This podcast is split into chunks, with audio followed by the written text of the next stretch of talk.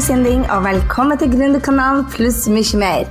Vi blir å snakke om alt mellom himmel og jord som skaper gründersuksess, og skaper ditt aller beste, mest rocka liv.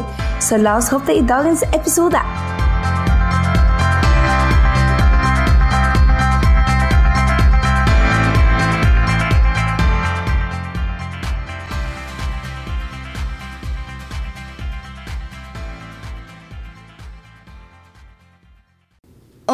My freaking goodness! Kan du tro det? Gründerkanalen har gitt ut 52 episoder, og det betyr at vi er blitt et helt år. Så eh, ja, jeg er så utrolig glad for at du har hengt med her. Og hadde noen sagt til meg at jeg skulle klare å levere content hver eneste uke i et helt år, så ville jeg sagt ja, særlig. Jeg er så utrolig glad for at du henger med her på Gründerkanalen og gir meg inspirasjon til å faktisk få gjort denne jobben hver eneste uke. Du, Denne uka så skal du altså få møte en av de klokeste damene på jord. Jeg tar kanskje i her, men Nina Torp Torp Høysæter eh, i Alberia, leder, eh, CEO i Alberia, er Altså, jeg hadde et par samtaler med denne dama, og den klokskapen og den erfaringa og det store hjertet bare kommer ut. Så jeg er så excited for å dele uh, henne med deg. Og det er ikke for noe jeg har valgt dette til å være ettårsjubileeintervjuet. Alberia driver altså med helse, velferd og omsorgstjenester på vegne av offentlig etat. Og når du setter ut ting for første gang i norgeshistorien, ting til offentlig etat som tidligere har bare vært ja, kommunale ting som folk tar seg av, så blir det litt bråk. Og Nina har vært ute for en vinterdag og tatt så mye læring ut av det. Og er det noen jeg skulle gjerne hatt eh, på innerlomma mine, jeg står fast i lederoppgaver, så er det denne dama. Så jeg sier bare nyt, nyt, nyt, Nina. Og så håper jeg at du tar deg tid til å rate Gründerkanalen på eh, iTunes. Hvis du digger denne kanalen og er her eh, ukentlig, så vær så snill å ta deg fem minutter eh, som en bursdagspresang til oss og rate oss. Det setter vi utrolig stor pris på. Så ønsker deg en strålende, strålende dag, og nyt dette intervjuet med den klokeste dama jeg kjenner. Da sitter vi her, Nina. Ja, det er så hyggelig å være her hos deg. Ja, tusen takk for at du kom. Du, du er leder for et utrolig spennende jobb i Norlandia-gruppen, er det det dere heter? Adelsen Group. Adelsen Group, ja. ja. Sorry. Ja. Uh, og du driver med å outsource uh, offentlige tjenester, bl.a. Ja, jeg leverer tjenester til offentlig sektor. Eh, private helse- og velferdstjenester til offentlig sektor. Til norske kommuner, svenske kommuner og den norske stat. Og det er jo utrolig spennende jobb. Ja, det er utrolig spennende. Og helt Fordi, nytt. Ja, nei, nytt og nytt. Jeg har jo holdt på med dette i 18 år. Jøss. Yes. I 18 år med samme eier eh, og sjef hele tiden. Ja, Det er jo ja. utrolig. Du må jo ja. ha en ganske god sjef som har klart å holde deg i 18 år. Man får ikke gullklokke lenger, har jeg hørt. Nei, man får ikke gullklokke. Nei. Nei, men hva er, hva er, livet? Er det ikke det å, å, ha en spennende jobb, omgås med hyggelige og spennende mennesker som stiller krav til deg, eh, ha en god familie, kjæreste, barn, barnebarn? Det er jo det som er livet. Det, eh, ja, jeg tenker det. Ja. Så når du starta opp, eh, du opp for 18 år siden med å ta tjenester ut fra det offentlige da, inn i privat sektor, ja. det var litt bråk. Det, det, er jo ikke noe som var enkelt gjort da? Nei, jeg ville jo egentlig ikke det heller. Men de, eh, brødrene Adolfsen ville jo at vi skulle begynne med det. Jeg fikk i oppdrag av eh, Christian og Roger Adolfsen at eh, de kunne hotell, jeg kunne omsorg. Og så skulle jeg lage et konsept. For innenfor eh, f.eks. sykehjem så handler det om mat, atmosfære, service, eh, hygge, aktivitet, seng. Og så i tillegg er jo denne omsorgen og at det er sykepleiergreiene. Så, så, det ble jo et veldig spennende konsept vi hadde hvor vi nettopp slo sammen hospitality og care. Og lagde ett konsept. Og det gjorde vi i 97. Og den første kontrakten eh, vi vant, det var pasienthotell på Gaustad. Altså det nye Rikshospitalet.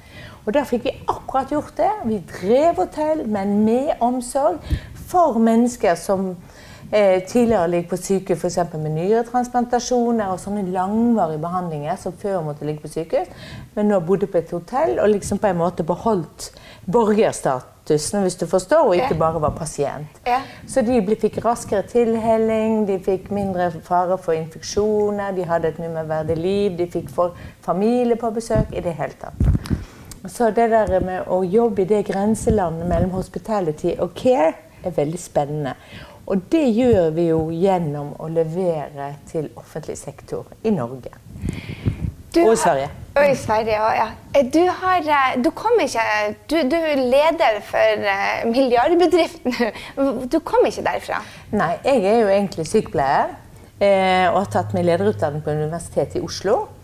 Og jobbet da mange år som sykehjemsstyrer. Jeg var 33 år, og hadde min første jobb med 150 ansatte. og Litt spennende, men det gikk det. Eh, så jeg har faktisk leda personal i ganske mange år. Eh, så var jeg sånn helse- og sosialsjef i et distrikt i Bærum kommune. Eh, Så kom Kristian og de der og spurte om jeg ville starte privat omsorg i Norge. Og det ville jeg jo slett ikke, for det var det jo ingen som gjorde. Det var bare noe man gjorde i Amerika. Ja. Eh, Men man gjorde det i Sverige. Så jeg ble henta over til Sverige, og der fikk jeg se hvordan det var mulighet dette med å styre etter kontrakt, og ikke bare etter tilfeldig lovverk. Altså Lovverk ligger jo alltid i bånn, men å styre etter kontrakt er veldig spennende. For da er kvalitetsstandarden sagt, personalet er satt, og hva det skal koste. Eh, avtalt kvalitet, avtalt pris. Og, og det begynte vi da med i 97, og da var jeg første ansatt. Og så la jeg inn anbud, altså når offentlig sektor vil at vi skal levere, så anskaffer de kontrakter via konkurranser. Så de konkurranseutsatte pasienthotell og sykehjem og en del sånne ting. Og jeg la inn anbud, jeg fikk gode medarbeidere etter hvert. Og da jeg tok farvel med Nolandia Care i 2010, så hadde jeg 2486 ansatte. Og kontrakter i Norge og Sverige. Det var kjempespennende. Og så hyggelig. to og et halvt tusen eh, mennesker. Hvordan klarer man å lede det? Nei, men du leder jo ikke direkte. Det, det begynte jeg jo med i, i 89 da jeg var 33 Ja. år. Men eh, du leder jo indirekte. Men du setter jo opp helt klare ledelseskrav, kvalitetskrav, etiske retningslinjer. Du har jo lovverk. At du er en ryddig arbeidsgiver. Og så leder du jo gjennom og utover i organisasjonen. Men Du setter standard, men du involverer og har dialog. Og det er utrolig viktig dette med at man jobber sammen, at du inkluderer den i lederskapet ditt. Der får du folk til å glede seg å gå på jobb. Men hvordan, hvordan gjør man det? Inkluderende lederskap. Hvordan gjør man det? Ja, Man er involverer når man skal begynne å sette mål, f.eks. Vi skal sette strategier, eh, sette budsjetter, så involverer du organisasjonen på de ulike nivåer. Eh, og har prosesser på det. og Det må ikke være for mye prosess, men du må ha noe prosess. Og du må ha noe struktur for å få godt resultat. Så skal du eh, eh, lede mange mennesker med suksess, så er det klart dette med inspirasjon og motivasjon betyr mye. Men jeg tror det viktigste er å ha inkludering og eh, dialog med de ansatte. Så lenge ansatte forstår hva du holder på med, så er de med på Ja. mye. Så du er jo til og med blitt bestemor. Ja, Til til fire. Ja, til flere til fire. Fire og en halv. Oi, gratulerer! um, er det ikke tide da å ta i bestemorrollen istedenfor å gå rundt og For du har jo starta på nytt i 2010 igjen, på noe, et helt nytt prosjekt Ja, igjen. nei, nei, nei det, Slutt å jobbe og sove og sånn. Det kan vi gjøre når vi blir gamle. Ja. Eh, nei, jeg syns det å gå på jobb er veldig inspirerende. Og jeg syns det er så moro å få til ting. Og jeg syns det er så moro å se folk vokse rundt meg. Eh, og, men det å kombinere et familieliv og og et eh, liv med både gründerskap og ledelse og personal og politikk og gud vet alt man holder på med. Det går fint. Men jeg tror, og det er jo noe som man kan si til andre kvinner også, man pass på å gjøre litt til litt forskjellige tider. Så tror jeg det er, er Så får man til det man vil. Ja. Og, og jeg syns Vi starta nytt selskap da i 2010, som du sa, ja. Og, og det var Abere Healthcare. Og nå er jeg med på eiersida selv. Og det er jo liksom litt spennende med å være sykepleier og kunne være gründer. og låne, låne litt eh, privat for å være med og, og, og starte et nytt selskap. Ja. Og, og, det har jo vært utrolig spennende. Det med gründerskap, å drive og bygge bedrift, få med seg folk, motivere folk til å være med, vinne kontrakter og alt dette her. Kjempegøy. Så Aberia nå eh, driver vi innen barnevern. Og vi tar også av veldig mange flyktningbarn. Så mange skjønne barn. Det er fantastisk å få lov å hjelpe alle disse ungene. Fra 15 til 18 år hjelper vi. Jeg tror jeg har over 40 barn nå som vi hjelper eh, etter de kom hit uten foreldre. Og, eh, tenk deg, de kom hit uten foreldre, vært gjennom en strabasiøs reise, en tøff reise. Så kommer de til oss, og der får de ja, selvfølgelig seng og mat og trygghet og varme, og vi følger dem på skole og på idrettslag. Det er helt fantastisk å kunne være med og bidra. Og så er det jobben din. Ja. Men det andre vi gjør, er, er omsorg for folks Eller assisted living, vil man ha sagt. Jeg må ta den fra deg, ellers så blir det Jeg må ta det og notere tida. Må, faktisk, vi må ta det på nytt igjen, for at du rører ledninga, da slår det inn på mikrofonen. Oh, ja. Så jeg håper den, så vi må ta den på nytt igjen. For hvis du rører ledninga, så sier det OK. Ja. Ja. Skal jeg sitte Så- rolig? Ja, så vi må, nei, du trenger ikke sitte rolig, men den ledninga så jeg bare Den tror jeg slo inn, for jeg så på den der at den bare ru, ru, ru, ru. Ok. Så bare du noter tida, så skal jeg kleffe det bort. Så nå driver du så tar du det bare, så nå driver du altså med flyktningbarn. Det er Arbeid Helke, vi har to ben å stå på. Det ene er barnevern. Altså vi tar oss av barn som ikke kan bli tatt Altså hvor foreldrene ikke er til stede, eller de blir tatt fra barn. Og det er barn fra 12 til 18 år. Og det er mange norske barn. Og så er det jo også mange flyktningebarn. Og det er helt utrolig moro å kunne være med og hjelpe disse barna som har flyktet der fra Afghanistan, fra Syria, fra krig og, og andre strabasiø... Altså, man kan jo bare ane hvor tøft de har hatt det. Så kommer de til oss, og vi lager trygge, gode forhold. Eh, selvfølgelig mat og seng og varme og snille og kunnskapsrike og kompetente ansatte som forstår de. Og så eh, hjelper vi de på skolen og, og gå på ID, og går og spille fotball. Og, ja, altså, de er helt utrolig søte. Så vi kan hjelpe dem med alt, men vi kan selvfølgelig aldri erstatte mor og far. Men det er veldig godt å kunne hjelpe, og attpåtil det være jobben din. Ja. Det syns jeg er moro. Det andre benet vi gjør utover barnevern, det er omsorg og avlastning. Og det er og vi har assisted living for ganske mange mennesker med, med ulike skader, handikap, som ikke klarer å bo alene. Så vi har boliger rundt hele Oslofjord og litt på Vestlandet eh, hvor vi hjelper folk å bo. Og det, på, eng, på amerikansk ville jeg kalt det for assisted living. Og at vi bidrar til ADL, altså activity of daily living. At vi hjelper dem til det daglige liv. Eh, og så det andre vi også gjør innenfor omsorg og avlastning, det er barn som har psykisk utviklingshemmede eller andre lyter, som bor hjemme hos mor og far. Og, og så er de hos oss i helgene eller i uka, alt etter hvor mye mor og far trenger av avlastning. Og det gjør jo at foreldre som har barn som ikke har samme bagasje som alle andre, kan bo hjemme hos mor og far. Så det er veldig gøy. Så det, det er jo en utrolig gave, det å kunne jobbe med mennesker. eh, Og det å være med og bidra til at de får livet sitt på kjøl, at de kan ha et godt liv. Og også at det er jobben din. Ja, det er utrolig moro. Ja. Så du har jo gått helt fra, fra hvor du da var en eh, konsernleder i, før 2010, Ja. til nå å starte på nytt igjen. Hvordan er forskjellen da fra du var ansatt? Er det noen forskjell fra å være ansatt til nå du er blitt gründer? Gründerskap, Merker du noe forskjell i din egen motivasjon eller opplevelse? Ja, altså, du kan jo si at Entreprenørskap og gründerskap er jo om jeg eide det eller ikke. Men forskjellen nå med eierskap For først så syns jeg det er veldig stas.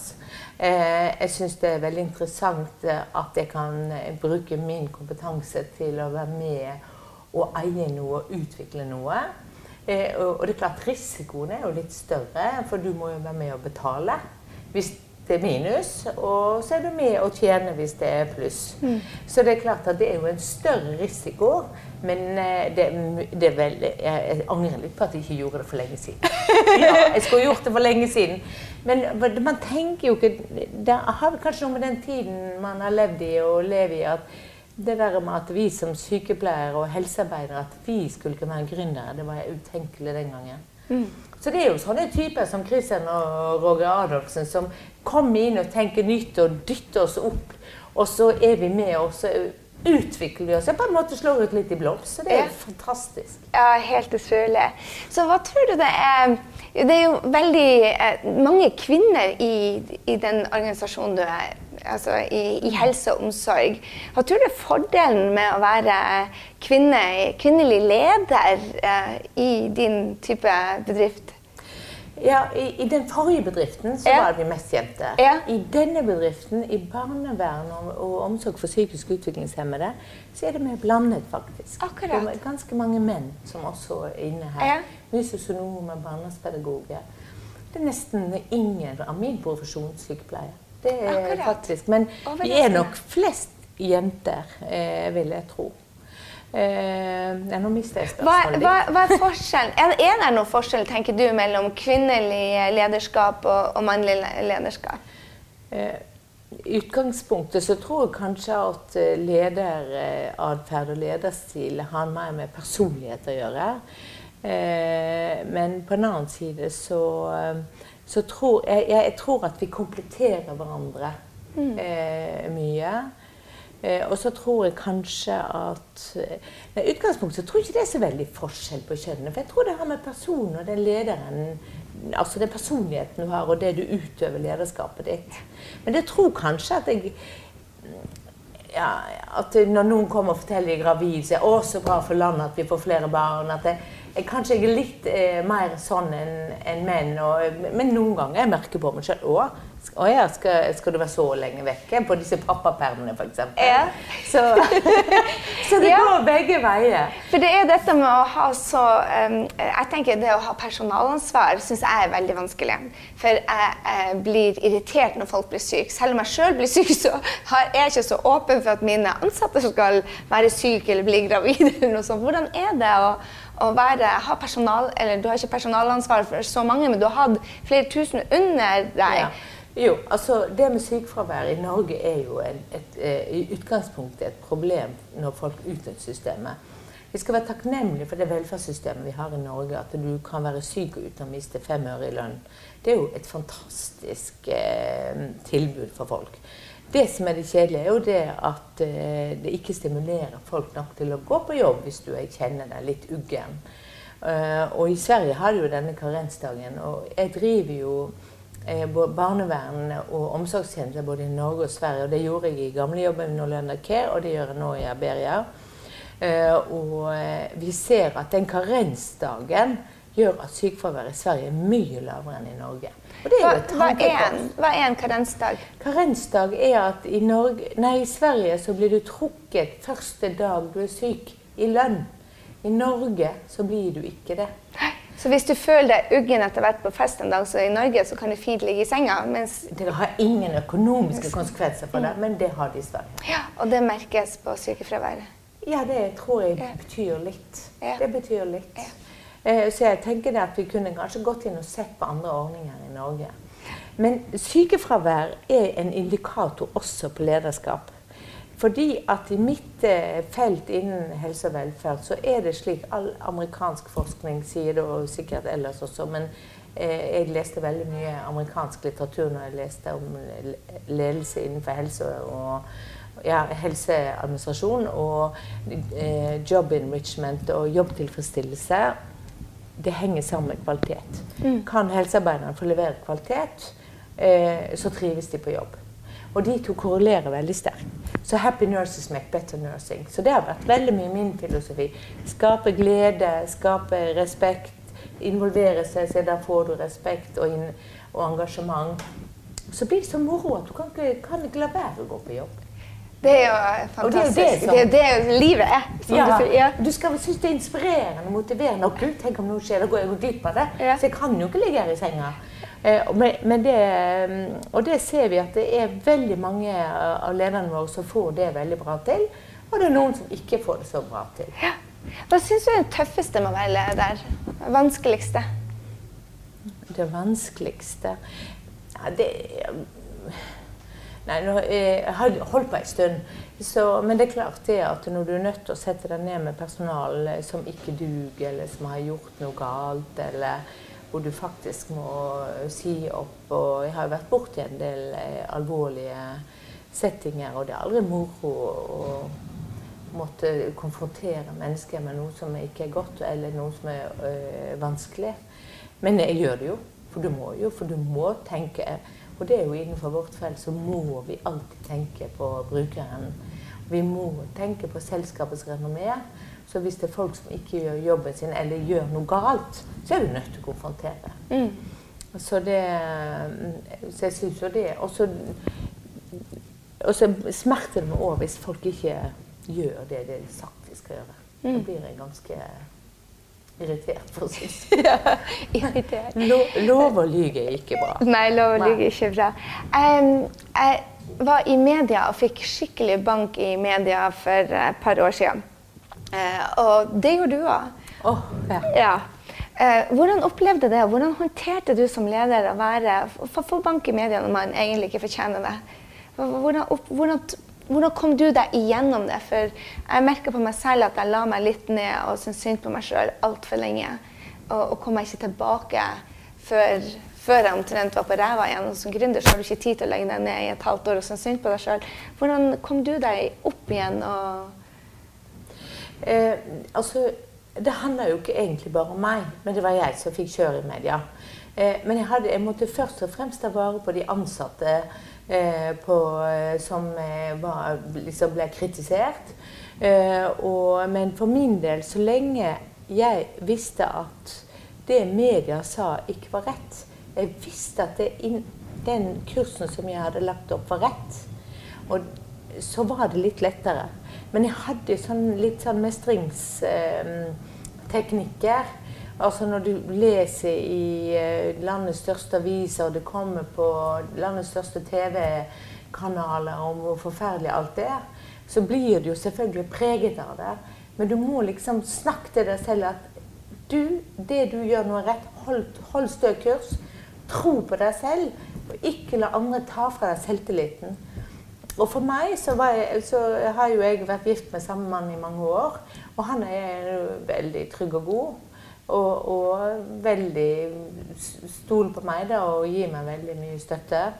Så det var veldig viktig. Men jeg er sånn som stikker i skogen eller går på ski og finner på ting. Og, eh, for da bare, bare, empty my brain, er ikke det de sier? Ja. Liksom sånn å komme deg vekk. Så du får liksom perspektiver på ting, og så kan du komme tilbake.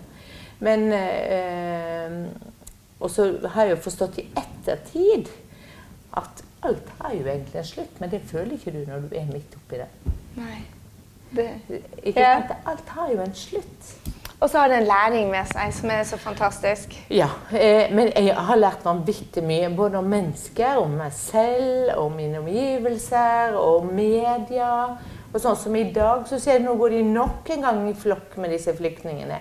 Det er ingen aviser som setter seg ned og tenker hva er det faktisk som skjer? De går i flokk. Ja, ja de gjør det. Og det syns jeg er så eh, merkelig. Jeg hadde jo nesten trodd at media var mer undersøkende ja. i sin måte å jobbe på. Men de går for mye i flokk. Ja. Ja, Det er interessant på måten men eh, plutselig én tar tak i noe, så bare gjentar de akkurat det samme om og om igjen uten å gjøre noe mer undersøkelser. Nei, nei. Ja. nei men det som også er veldig viktig når man har, har media kjøre, er jo at dine overordna har tro på deg mm. og stoler på deg. Hadde ikke jeg hatt styreleder og, og styre bak meg, så da tror jeg nok at kanskje jeg hadde falt. Mm. Uh, og fordi du må alltid føle at du har ryggdekning. Mm. At de tror på deg. Eh, og det følte jeg i den saken. De hadde 100 tillit til meg hele veien. Jeg følte aldri at de tvilte på det jeg holdt på med. For det var det å jobbe og være pioner og komme med nye ting. Altså, jeg fikk jo fagforeninger, politikere, myndighet Alle gikk imot meg. Men det morsomme er jo at veldig mange av de kom til å be om unnskyldning etterpå. Fordi de ikke forsto. Ja. Interessant.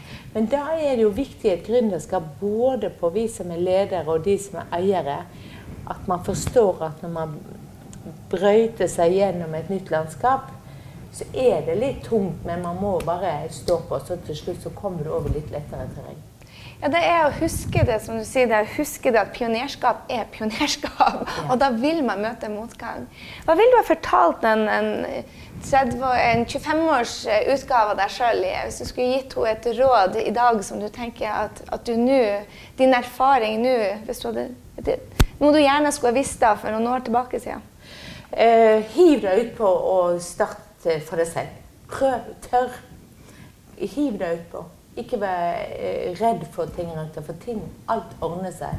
Oppfør deg ordentlig og vær tro med deg selv, og kjør på. Ikke vær engstelig for at du skal være redd for noe.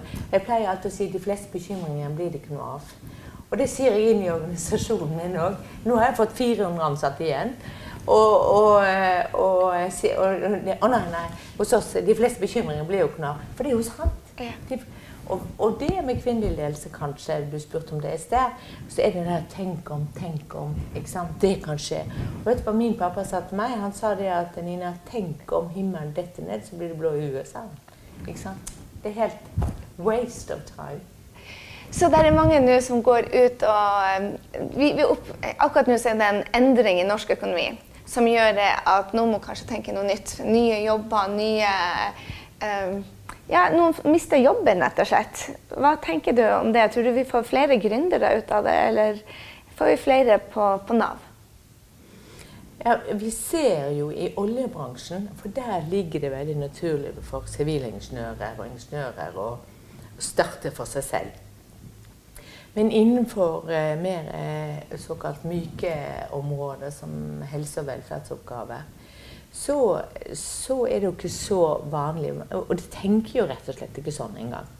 Eh, og jeg tror at eh, hvis myndighetene hadde lagt litt mer til rette for en del av disse unge sykepleierne, sosionomene, barnevernspedagogene Lagt litt til rette for gründerskap der, så ville vi mye lettere kunne løse eh, den, den skandinaviske modellen fremover.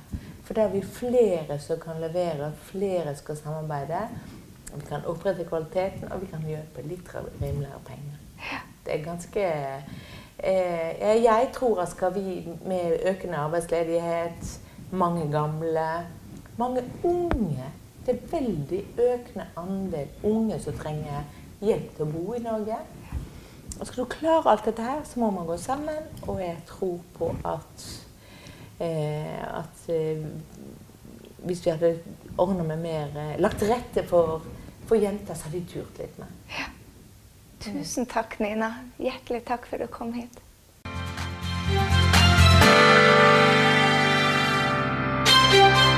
Jeg håper du ble superinspirert til å ta nye action etter denne episoden av Gründerkanalen pluss mye mer. Gå nå til grysynding.no og legg igjen en kommentar på denne episoden om hva du tar med deg. Jeg vil gjerne høre fra deg. Og få mer gründertrening på skapdindrømmejobb.no. Glem heller ikke å abonnere, sånn at vi treffes neste gang på Gründerkanalen pluss mye mer. Ha en fantastisk dag, så høres vi.